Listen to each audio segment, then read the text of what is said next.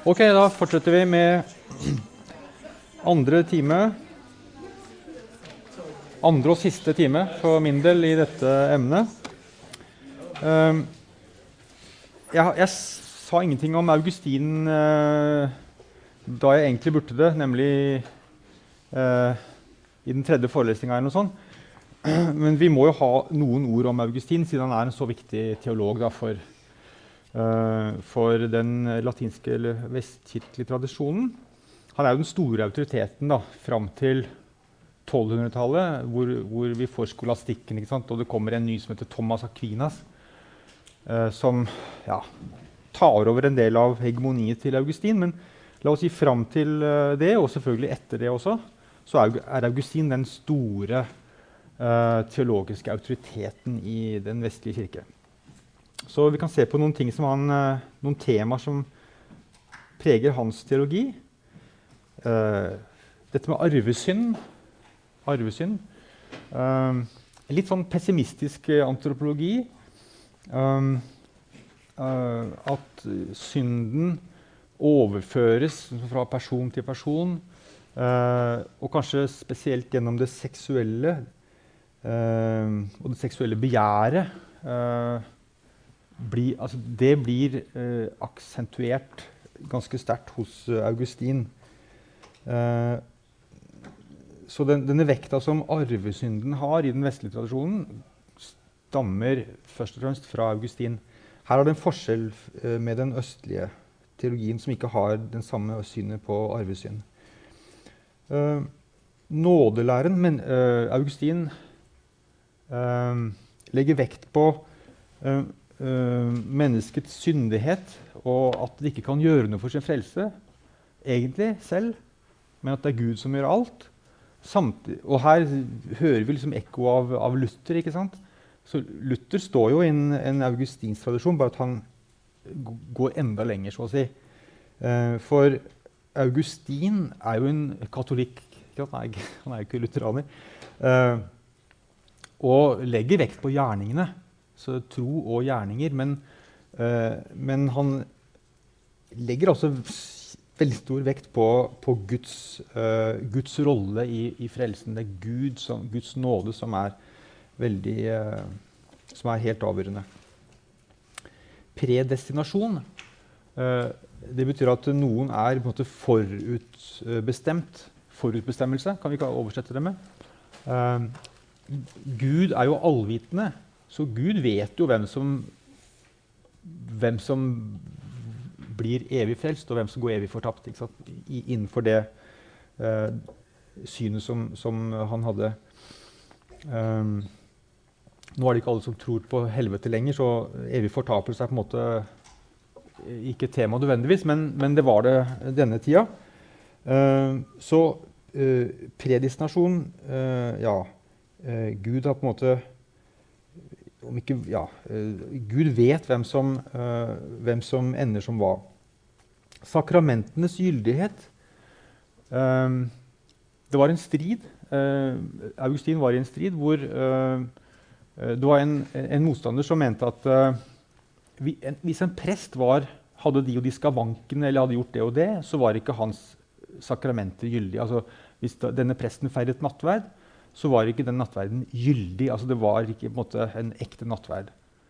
Uh, Augustin mente da at uh, jo, det er han. Det er ikke prestens moral, personens moral og personens egenskaper som gjør en, en nattverd eller dåp gyldig, men det er måte, embetet. Det er uh, det at denne personen er en prest, og denne, den ordinasjonen, denne, ja, det mandatet som presten har mottatt av en biskop, eh, som er det bestemmende. Og dette er en, en, en, den teologiske posisjonen som blir den, den, uh, den gyldige framover uh, etter Augustin. Uh, han skiller mellom Guds rike, eller Guds by, og statskirka, Uh, jo, I den tida, Han lever jo på begynnelsen av 400-tallet, slutten av 300- og begynnelsen av 400-tallet, hvor, hvor kristendommen er i ferd med å bli statskirke. Så han skriver denne 'Gudsstaten', er jo boka dette herfra. uh, gudsstaten, hvor han uh, på en måte forutser problemet med, med, med statskirke.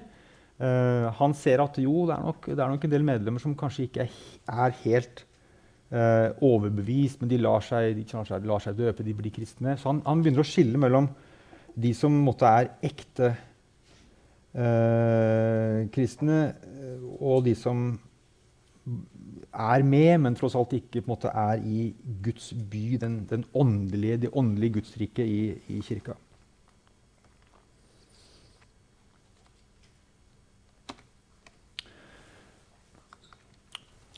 Ja.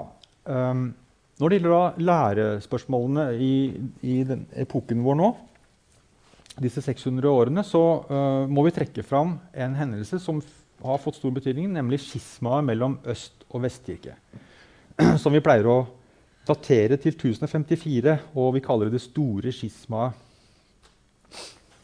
Jeg må bare legge til en i parentes her. Uh, er det egentlig det store skisma? Eh, hva med vi har Tidligere, på den tredje forelesninga, hadde vi om eh, Kalkedon-konsilet. Husker dere? Kalkedon 451. Eh, som ikke ble godtatt av hele kirka, men det var store fraksjoner i øst som forkastet Kalkedon. Bl.a. Uh, Egypt, kopterne, og en del syrere, og det var armenere og det var etiopiere. Det var mange som ikke godtok uh, den. Så egentlig vil jeg si, da, men det er, ikke, det er liksom ikke konvensjon å si det, men det, det, i hvert fall det første store skismaet var jo da ja, på 400-tallet og i, altså i, etterkant av Kalketon at det virkelig fant sted det første store skismaet. Okay. Men det som vanligvis kalles det store skismaet, er altså det mellom uh, den greske og den latinske kirka. Uh, de som, med, de som, er lenger øst, og som allerede har brutt med grekerne og latinerne, altså disse ikke-kalkedonenserne, kopter osv., de er jo ikke med på dette skismaet her. Dette er, dette er et måte, indreromersk skisma. Det er mellom to romerkirker, egentlig. Den østlige og den vestlige delen av romerkirka. Uh, uh, ja.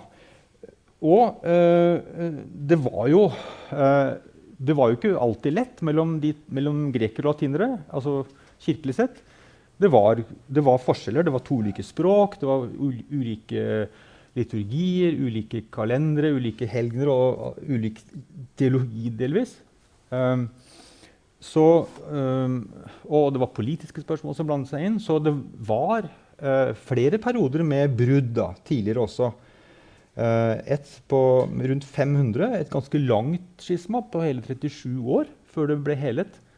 Og et nytt skisma på 800-tallet eh, i 13 år. Og da, eh, var det et, var det et kirkemøte i Konstantinopel som ekskommuniserte paven, faktisk. I Konstantinopel som, eks, som altså ekskluderte paven fra, fra kirka, faktisk. da. Um, så ble det legget igjen, og så var det uh, enhet mellom uh, øst og, og, vest fram til uh, 1000-tallet. Så kom jo, som, som, vi akkurat var inne på i stad, den gregorianske reformen. Altså denne opprustninga av pavedømmet. Pavens ambisjoner eller pretensjoner om makt over hele kirka blir for, som sagt, formulert på, på, en ny og sterk måte. og også, som sagt, eh, gjeldende øst. Altså pavens pretensjoner eh, skulle også gjelde øst, østlige kirker.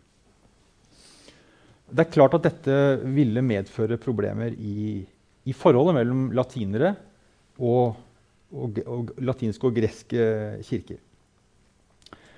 Men det var også en, en, en konkret krangel, en konkret utgangspunkt på, på midten av 1000-tallet som førte til det såkalte store skismaet. Eh, det var slik at eh, normannerne, normannerne eh, erobret Sør-Italia, som hadde vært gresk i, i, flere hundre år, som jeg poengterte i stad, eller bysantinsk. Og der tvang de grekerne til å gå over til latinsk ritus. Til, altså, til å skifte gudstjeneste fra, latin, fra, gresk til latinsk. Dette ble tatt veldig dårlig opp i Konstantinopel, som til gjengjeld eh, tvang de latinske menighetene som var der, for det var noen latinere i Konstantinopel. Tvang dem til å gå over til gresk ritus. Så det var ikke noe, var ikke noe bedre, de, på en måte. Uh, så det var det. Og så var det krangelen om filioque. Det er jo et latinsk ord, eller to ord egentlig. Filio, kve. Og sønnen betyr det. Uh, vi skal se på det, hva det var for noe. Filioque, for det, det, er et ord som dere må huske. altså. Um, og et, tredje, et, tredje, punkt var uh, kanskje litt uh, pussig for oss. Men altså de, man kranglet over hvorvidt nattverdsbrødet, brødet som ble brukt til nattverden, skulle være uh, syret eller usyret. Hvorfor er det viktig? Uh, ja. Ja det, det, hadde nemlig med jødene å gjøre. Uh, og Eh, for latinerne hadde altså usyret brød til nattverden. Usyret brød, og det var uh, i likhet med, med, jødisk praksis. Men det var for grekerne da en, en, en, en, arv fra jødedommen som, som, man skulle forkaste. Det var liksom å ikke være kristen nok. Det var å være jødisk og ikke kristen og bruke, bruke usyret brød. Så grekerne hadde syret brød, altså helt vanlig brød. da. Så det var en krangel der. Eh, så det var en krangel, og Paven sendte tre delegater til Konstantinopel for, for, å drøfte problemene. Eh, samtalen gikk veldig dårlig, eh, så det endte med at en av delegatene, en, en kardinal, altså en biskop, Humbert, han, han, had, han, hadde kanskje med seg dette brevet, men det var et brev med ekskommunikasjon av patriarken. Uh, i Konstantinopel med seg. Det var ikke noe helt nytt, uh, som, som, dere skjønner. for jeg, Noen hundre år tidligere så hadde jo Konstantinopel ekskommunisert paven. Så nå var det paven som gjorde det motsatte. da, Eller det samme, men motsatt vei. Uh, I hvert fall så hadde kardinal Humbert et, et brev med ekskommunikasjon av patriarken med seg. Og han gikk visstnok under en gudstjeneste i Agia Sofia spaserte rett inn i alteret og la det på alterbordet, dette brevet, og, og gikk bare. Uh, dette måtte jo patriarken selvfølgelig svare på, og uh, de svarte med det samme å ekskommunisere både ham og paven. Altså Humbert og paven. Så nå var det gjensidig ekskommunikasjon. Um, ja. Så det er dette som er blitt stående som det store skismaet. Så kan man jo spørre seg, eh, Hvis paven patriarken jesidi ekskommuniserer hverandre, er det der, dermed et skisma mellom hele kirker? Eller er det bare mellom lederne? Det, det, kan man diskutere. Men i hvert fall så er det blitt stående som det store skisma mellom øst og vest. Uh, og det var vel egentlig først på 1960-tallet at disse ekskommunikasjonene ble formelt opphevet i, i økumeniske samtaler mellom pave og patriark. Uh, men altså, ortodoks og katolsk kirke er fortsatt ikke i union. Uh, fortsatt ikke union, og, så skisma består. En interessant uh, betraktning her er jo hvorvidt dette ble gjeldende i Norge. Altså hvor, hvor, mye oppfattet norsk, den aller tidligste norske kristendommen dette her, Skjønte man hva som skjedde? Opp, oppfattet man i Norge at det var skjedd et skisma mellom øst og vest? Det, eh, kan man bare spekulere på. Um, ja. Uh, hvis man ser på liksom, de dypere årsakene til dette bruddet For det er klart, uh, dette var jo bare en, en, en liten krangel, egentlig. Men, men, uh, men, det lå dypere årsaker. Og en av dem var dette, dette med den georgianske reformen, pavens økte maktpretentasjoner over hele kirka. Altså, paven hadde jo for så vidt krevet makt over hele kirka fra, si, fra 400-tallet av, men hadde aldri hatt politisk makt til å gjennomføre det. Aldri hatt mulighet til å gjennomføre det. Og, og grekerne var aldri eh, med på det. Altså, eh, de ortodokse i, i, i Konstantinopel ville aldri godkjenne den paveideologien som, som var i Roma. Um, uh, de, de ortodokse eller østkirkelige de anerkjente pavens uh, måte, første posisjon. Det, det, gjorde de. De. de. ga paven en førsteplass blant likemenn, men det var nettopp det. Førsteplass blant likemenn. Uh, en, en, rang. En, en førsteplass i æresrang, så å si. Uh, og så var det et teologisk veldig vanskelig stridsspørsmål, nemlig filiokve. Og det var også et eldre problem som var uh, uh, et stridsspørsmål allerede den, i, den, i det bruddet som jeg snakket om på 800-tallet mellom øst og vest. Da, da, da, de ekskommuniserte paven, da var også filiokve et, et stridsspørsmål. Så hva er dette filiokve? Jo, filiokve og sønnen er et tillegg, som, et tillegg til trosbekjennelsen, ikke den apostoliske som brukes i Den norske kirke nå, men altså den nikenske trosbekjennelsen, som var den autoritative trosbekjennelsen i den tida der. Uh, så det er uh, uh, i den tredje trosartikkelen, altså angående Den hellige ånd, at man la til og Sønnen. Altså Vi tror på Den hellige ånd, som er Herre og gjør levende, eller le livgiver, som utgår fra Faderen og det er, det er hentet fra Johannesevangeliet at ånden utgår fra Faderen. Så Det er et bibelsk sitat, nærmest. Men eh, latinerne la til 'og Sønnen'. Eh, så ånden skal da utgå fra Faderen og Sønnen, og som har talt gjennom profetene. Eh, så enkelt er det liksom. Rett under så har man jo altså som tilbes og æres sammen med Faderen og Sønnen. Så ja, det er liksom en analogi også da, i, i uttrykkene her. Uh, men dette tillegget var helt uakseptabelt for, de, for grekerne. Uh, fordi For det første så var tillegget gjort uh, bare av latinerne. Altså det var ikke skjedd noe konsil hvor man ble enige om å legge til filioque. Det var bare det at latinerne hadde lagt det til ensidig, monolateralt. Og så plutselig krevd at grekerne også skulle legge det til. Men, for, men, for, det andre nei, og, ja, For det andre så altså mente grekerne at filioque er teologisk umulig eh, fordi det måtte, forstyrrer og ødelegger treenighetslæren. Og det har å gjøre med at eh, Da går vi litt tilbake sant, til, eh, til, den forelesninga vi hadde om, om treenigheten. Gud er liksom opphavet. Gud, eh, Gud, Faderen er opprinnelsen til Sønnen og Ånden, som, som er Guds hender. Husker dere uttrykket? Uh, så Sønnen og Ånden er på en måte to likeverdige uh, verktøy i, i guddommen som begge kommer fra Gud, Faderen. De har ulike måter å komme fra Faderen på. Altså ulike uh, uh, uh, ja, ulike måter å oppstå på, så å si. Men de kommer begge fra Faderen alene, mener grekerne.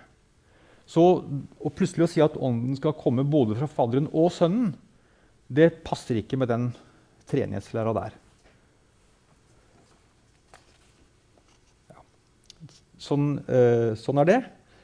Eh, så det. Og sånn er det fortsatt. Altså denne, denne, striden er jo ikke, denne debatten om Filioque er jo fortsatt eh, Den pågår jo fortsatt, så å si.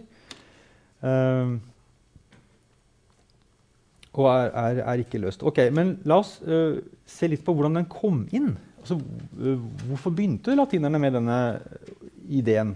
Jo, da må vi igjen tilbake til Augustin. Augustin som var den store teologen i vest. Han, jo, han anerkjente nok faderens eh, opphav, altså at, at faderen er opphavet. Eh, men han hadde formuleringer hvor han sier at eh, ånden utgår fra Faderen og Sønnen. Så vi finner formuleringene i Augustin, og til og med enda før Augustin hos noen andre kirkefedre. I vest, altså. Men det er særlig Augustin som da måtte utvikle en slags uh, filioque-idé.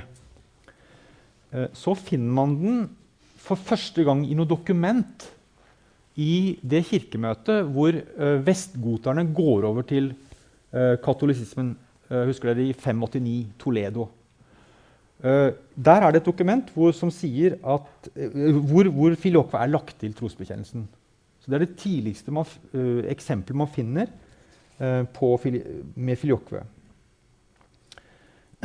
Og her ser vi en viss logikk, faktisk. For de går jo over fra arianismen til katolisismen. Hva var arianismen? Jo, det var det synet at Jesus, at Jesus eller Logos, da, som, som, hadde tatt bolig i Jesus, ikke var evig. Ikke det, det, var en slags reduksjon av Logos' uh, stille, stilling. Men hvis man da sier at ånden utgår ikke bare fra Fader, men også fra Sønnen, så øker det Sønnens uh, betydning i, innen guddommen. Så, så, man tolker altså sånn at uh, Ja, å, understreke Sønnens guddommelighet. Ja. Så det, det, er nok en, en rimelig tolkning.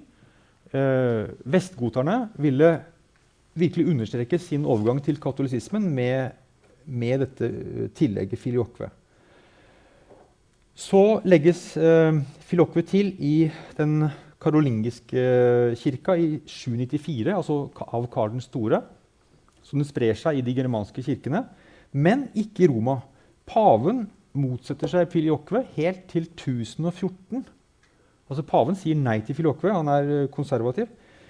Uh, men etter press fra den tyske keiseren Her ser vi liksom forholdet uh, pave-keiser, den, den, politiske situasjonens uh, betydning. Eh, paven måtte gi seg og ta inn Filioque. Så fra 1014 så har Roma Filioque.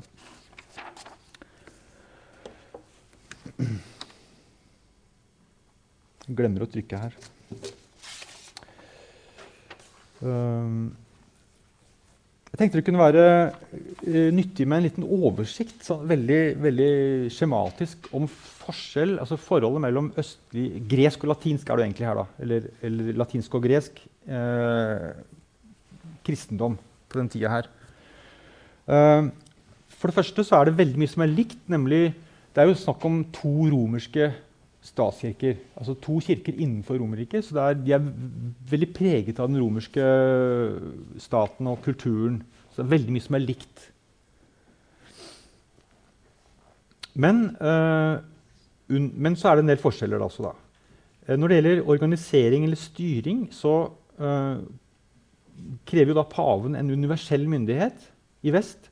Mens det i øst er mer en idé uh, om kollegialitet, om, om kollegium, om kirkemøter eh, at, at, biskoper kommer sammen og bestemmer.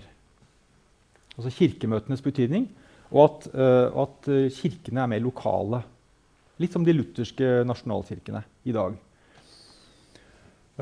Kirke-stat-forholdet i vest, i hvert fall fra den gregorianske reformen av, da, kirke over stat og den kirkelige frihet. Mens i øst er det symfoni og kirke og stat eh, som jobber sammen. I vest er det eh, sølibat for hele presteskapet, ikke bare biskopen. Men i, vest, i, øst er det bare biskopen som er eh, sølibatær. Prestene kan og bør helst være gift. Trosbekjennelsen med og uten filiokve teologisk særpreg. Det er et mer juridisk preg i den vestlige teologien, eller latinske teologien. teologien. Eh, frelsen er forstått som rettferdiggjørelse Altså at mennesket blir rettferdiggjort. Det er veldig typisk for, uh, for luthersk uh, teologi. Lut Martin Luther. Um, man blir rettferdiggjort ved tro. Uh, mens oppfatningen av frelse, eller hele teologien i det hele tatt, i øst er mer mystisk preget. Frelsen er forstått jo, greit, rettferdiggjørelse er med i, i, liksom i helheten, men guddommeliggjørelse Theosis, guddommeliggjørelse, divinisasjon, divinization, er et mer uh, karakteristisk uttrykk for den forståelsen. I antropologi er det en mer pessimist... Ja, mer pessimistisk uh, tendens i latinsk med arvesynd, med Augustins uh, oppfatning av arvesynden. Mens i øst er det ikke noen forståelse av arvesynd i den, i den forstand. Man snakker mer om følgene av synden. Altså at døden er kommet inn i verden som en følge av synden. Men det er ikke synden i seg selv som, eller skyld som arves. En mer optimistisk antropologi. Klosterliv, mange ulike ordener etter hvert. da. Um, men det er i andre årtusen i vest. I tillegg til benediktinerordenen. Mens i øst så er det ingen ordener. i det hele tatt. Det er mer hvert kloster og noen klostre som ligner på hverandre, og som bruker de samme reglene. og sånn, men, men, det er mer uh, Det er en mindre grad av organisering av klostrene. Uh, estetikk Jo, det er bilder i vest og statuer, men uh, ikke ikoner som inngår i kulten, altså som et som regulært element i kulten, som det er i, i øst. Og i øst er det ikke statuer. Um, ok. Når vi snakker om lære, så er det jo, no, det er jo noen kjettere, såkalt, uh, i, uh, i middelalder også. Uh, og bare for å nevne kort noen, så er det disse qatarene. Der begynner å bli utenfor tida jeg skal snakke om her, men altså 1150 og videre. Katarene. Det litt, ligner litt om gnostisismen. Det er sånn dualistisk verdensforståelse. Med, ofte med forakt for det materielle, for det verdslige, for kroppen. Men disse her tok også avstand fra en del helt sentrale kristne dogmer, som treenighetslæren og til og med de to naturene. Og også uh, en helt annen syn på ritualene. Jeg må skynde meg litt her. Uh, vi har ett kvarter igjen. Um, til å snakke om liturgi og fromhet, så det er jo ikke så mye. Men vi får se hva vi rekker. Uh, I middelalderen var det stender i samfunnet, og en av dem var geistligheten. Det var en, en stand i det middelalderske samfunnet. Og hvilke grupper hadde man da i den vestlige middelalder i, i geistligheten? Jo, det var presteskapet, og det var klostervesenet. Uh, og der, Innenfor presteskapet skiller man mellom sekulærgeistlige og ordensgeistlige. Uh, så hva er nå det, da? Jo, uh, å være prest er jo å være ordinert, selvfølgelig. Men, ja, så, men, de som var da sekulærgeistlige, de, de var bare prester, liksom. Men, men ordensgeistlige de, de tilhørte en, en, en, orden, ikke akkurat en klosterorden, men altså en, en regel, de fulgte en regel. De bodde i, de bodde i fellesskap. Um, og tilhørte en sånn ja, en slags ikke-monastisk orden Uh, et, et, regulert fellesskap. Vi kommer litt inn på det. Klostervesenet besto av noen som var ordinert, og noen som ikke var det. Som var lekmunker og nonner som ikke kunne bli ordinert. Um, når vi nå snakker om fromhet og, og, øh, og åndelighet, uh, spiritualitet, så er det klart at for de aller fleste mennesker så var eh, katedralen, altså biskopskirka, eller enhver kirke, sentrum kan vi si, i, i fromheten, i det, i, det, i det, spirituelle livet. Um, det gjaldt de aller fleste. Uh, og en vanlig, uh, vanlig, katedral hadde altså et, uh, et fellesskap knyttet til seg. I en katedral f.eks. av Oslo domkirke, hvis vi tenker oss Oslo domkirke, så var det en gruppe mennesker som, som bodde i nærheten av den. Uh, og levde i et fellesskap og ble kalt kanniker. Det kom av ordet kanon på gresk. kanon, Som jo betyr regel. Så de hadde en regel som de fulgte. En regel for deres uh, liv, rett og slett. Så det var et, kloster, det var et, et ikke klosterfellesskap, men det var et, et fellesskap da, av, av, sånne kanniker. Uh, og de ble ikke kalt, Det var ikke regelrette klostre, men altså asketiske fellesskap i, um, i katedralen. Og det var uh, mange gudstjenester hver dag. Uh, ikke bare, her var det ikke bare en messe på søndag, altså, men det var uh, kanskje messe. Ikke messe hver dag nødvendigvis, men det var i hvert fall tidebønnen med disse sju gudstjenestene daglig. Og så var det mess, en messe hvis det var en fest, altså en viktig kirkefest. F.eks. Uh, en av de større festene, eller en helgenfest. Det var også det som kalles stasjonsliturgi. og Det er en ganske viktig ting, nemlig det med prosesjoner i byene. Uh, altså Kirka preget bybildet på den måten at uh, hvis det var en feiring, en messe, da, i en annen kirke enn katedralen, så gikk man i prosesjon fra katedralen til den kirka og feiret messe der. Så det var mye prosesjon i, i, i bybildet, i gatene, uh, til, til, til, vanlig. Relikviene, de, eh, altså rester av hellige personer som man hadde eh, spesiell ærefrykt for, det har vi snakket om allerede. Og det oppsto i tidlig kristendom, men det ble ikke mindre viktig i i middelalderen. Og de viktigste samlingene var i Konstantinopel, særlig i keiserpalasset. Uh, samlet man på relikvier, f.eks. Uh, relik relikviene knyttet til Jesus. Uh, det var jo ikke noe av kroppen hans, naturlig nok, siden han ble forstått som uh, uh, oppstanden og faret opp til himmelen. ikke sant? Så det noe, kunne ikke være noe av kroppen. Men mange gjenstander forbundet med, særlig med hans død, ble reli viktige relikvier som korset, selvfølgelig. Svetteduken, gjerne kalt Veronicas svetteduk, eller mandilion. Uh, han, han, tok et sånt klede på ansiktet, han, ja, uh, og, og, hans ansikt ble preget på dette, uh, denne duken. Da. Tornekronen, naglene, svampen med eddik, lansen, purpelkappen, lærsandalene og, og, mange sånne viktige ting da, ble fraktet gjerne fra Palestina til, eh, til Konstantinopel og oppbevart i denne Faroskirka. Så uh, bare eh, Hva skjedde med disse relikviene? Jo, eh, på 1200-tallet, og det er neste, en seinere time, eh, for jeg stopper jo ved 1200, men 1204 så skjedde det fjerde korstoget.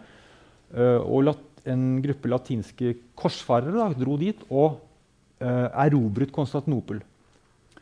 Uh, men ikke bare erobret, de, de, plyndret hele byen i flere dager og uh, tok, stjal altså, rett og slett, en hel masse relikvier og brakte dem til, til Vesten.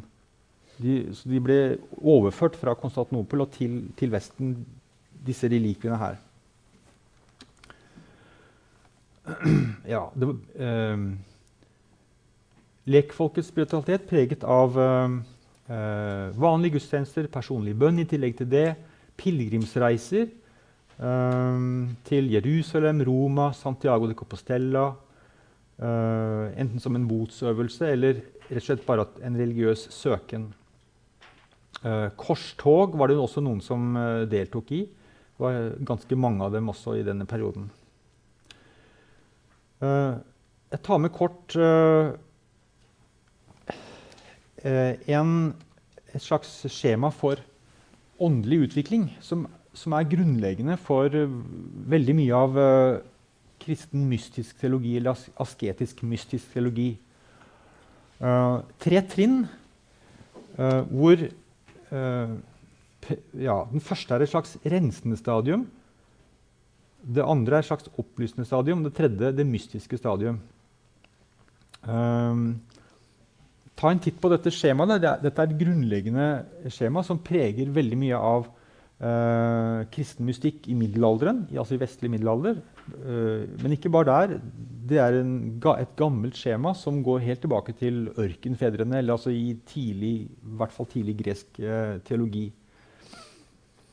og vi kan plassere askese og mystikk måte, innenfor dette skjemaet på den måten at det første er et praktisk eh, aktivt liv, asketisk liv. Og den tredje Den andre er ikke, er ikke så viktig, men det tredje stadiet uh, er et mystisk stadium hvor, man, hvor, målet er å se Gud, eller forenes med Gud. og erfare Gud. Jeg tror dette skjemaet her ikke bare er kristent, men også gjenfinnes i andre religioners mystikk. Um, ta med veldig kort om disse syv dødssyndene som dere kanskje har hørt om. Det var vel en film eller noe som, som handlet om det. ja. Eh, bare så det er sagt, Disse er ikke funnet opp i middelalderen. De går tilbake til også en ørkenfader, nemlig Grigo, eh, Evagrus av Pontos, en greker som dro ned til eh, ørkenen i Egypt. Han formulerte ikke sju, men åtte, så det ble redusert til, til sju. Men han hadde en, en sånn liste over åtte ikke syndere, men lidenskaper, kalte han det. Personer. Åtte lidenskaper. Og, og, og uh, disse ble denne ideen ble tatt opp i, eller ble opprettholdt i latinsk teologi som de syv dødssyndene. Det er litt langt eh, sprang fra lidenskap til dødssynd. Og det er ikke så ille som det høres med dødssynd. Altså, det er en alvorlig synd. Kan vi si. Men det som er like viktig, på en måte, er at uh, disse syndene tilsvares av dyder. Så det er det er et begrepspar her uh, av syv dyder og syv uh, synder. Hvor målet selvfølgelig er å gå fra hovmod til ydmykhet. Uh, fra misunnelse til velvilje. Og her er det eksempler da, på uh, en åndelig vei, altså gjennom en åndelig vei hvor man i samarbeid med Gud, denne synergien, skal vokse fra, fra synd til dyd. Ja, tida går jo fra oss. Um, jeg har noen sider her om uh, en tradisjon i Østkirka. Uh, en fromhetstradisjon. Hesikasmen. Jeg nevner bare én ting av denne her. Ser du står Jesusbønnen? Uh, Herre Jesus Kristus, Guds venn, forbarm deg over meg en synder. Det er et, en kort frase som, som, bes om igjen og om igjen. Et slags mantra uh, som bes om igjen og om igjen. Og gjerne med en sånn snor Uh, hvor man ber bønnen en gang for hver knute på snoren. Uh, det er faktisk likheter i islam av en sånn type Ja, ikke sant? det er en sånn Daniel viser fram en sånn stor der. Det er ganske likt, faktisk. altså en, en, en ihukommelse av Gud. er det ikke det i islam? Ja. Så det er veldig likt, uh, faktisk. Og Jesusbønnen er en, en, tradisjon som kommer fra uh, ørkenfedrene i Egypt. Veldig viktig i Østkirke, uh, den greske tradisjonen. Men har fått en viss utbredelse nå i vår tid blant alle kristne. En slags økumenisk bønnetradisjon. Da. Hellige dårer det rekker vi ikke å snakke om. Uh, det er et veldig artig fenomen. altså, sånne uh, nærmest, Folk som nærmest utgir seg for å være idioter, uh, men som har en helt uh, ja, En typisk og utfordrende rolle rent religiøst. ok, Så er det benediktinerne, klostervesenet i, i, i vest. da. Vi er jo nødt vi er tilbake på 500-tallet. altså. Uh, Benedicts regel er ikke noen nyskapende regel. Den er en, en sammenfatning av eldre tradisjoner. Uh, og den blir den eneste tradisjonen i la latinske kirke fra 800-tallet og inn på 1000-tallet.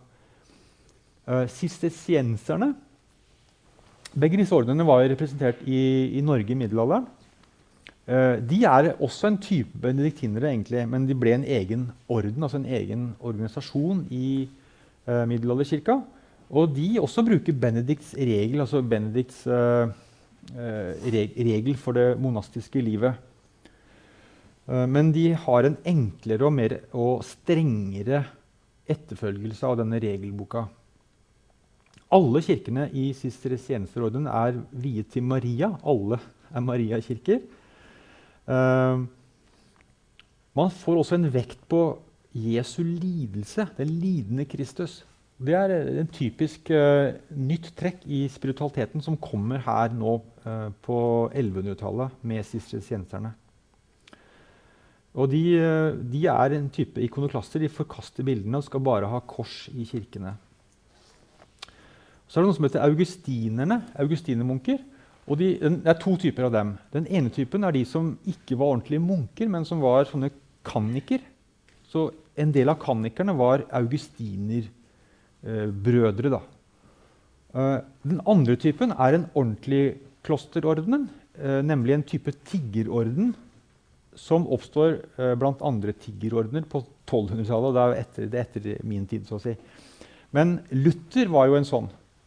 Jeg tar med det fordi uh, her plasserer vi Luther. Luther var en augustinermunk og tilhørte den tiggerordenen av, som, som, het augustinermunker.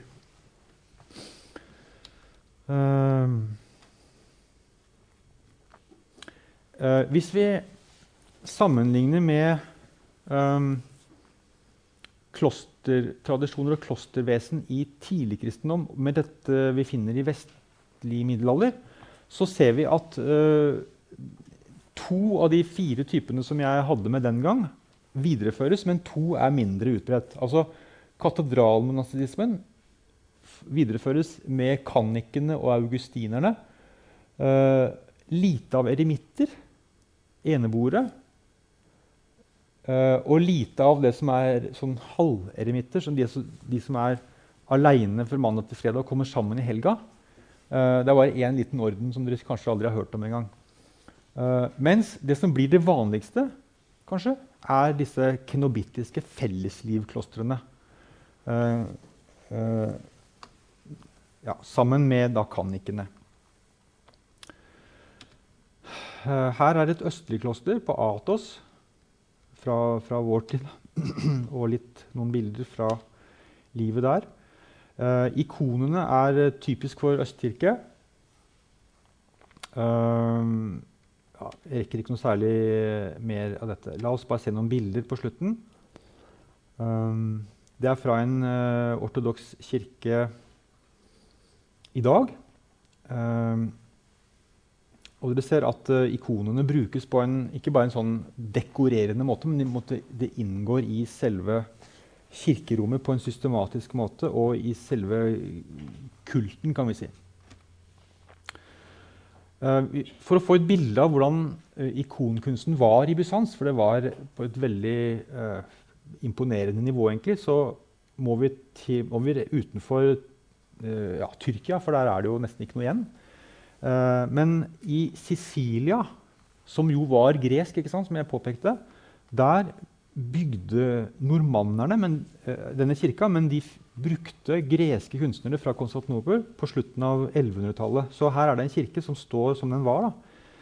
Uh, og så, så flott var det eh, da, faktisk. Her bak i, bak i kirka.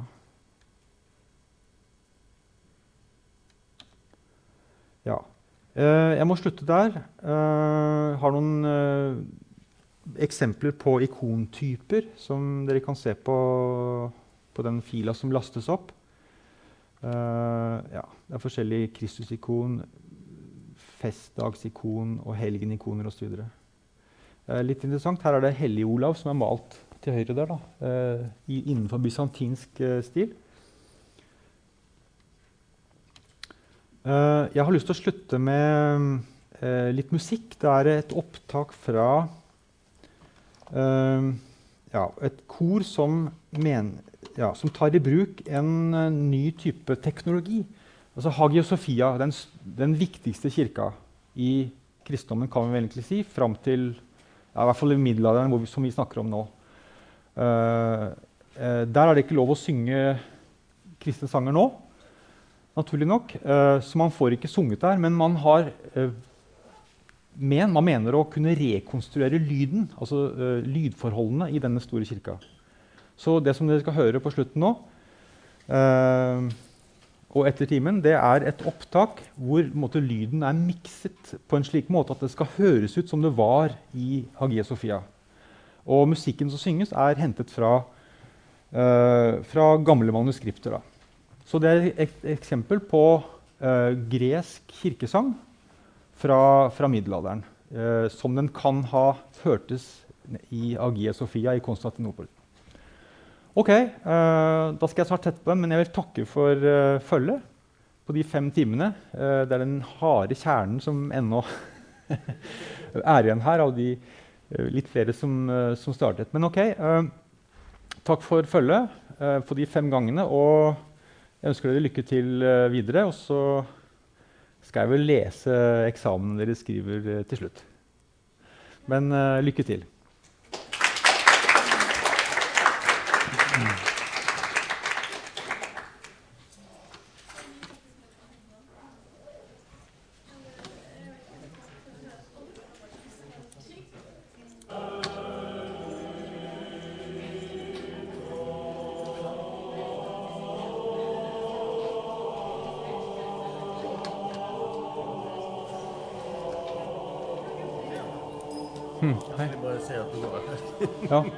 Peace.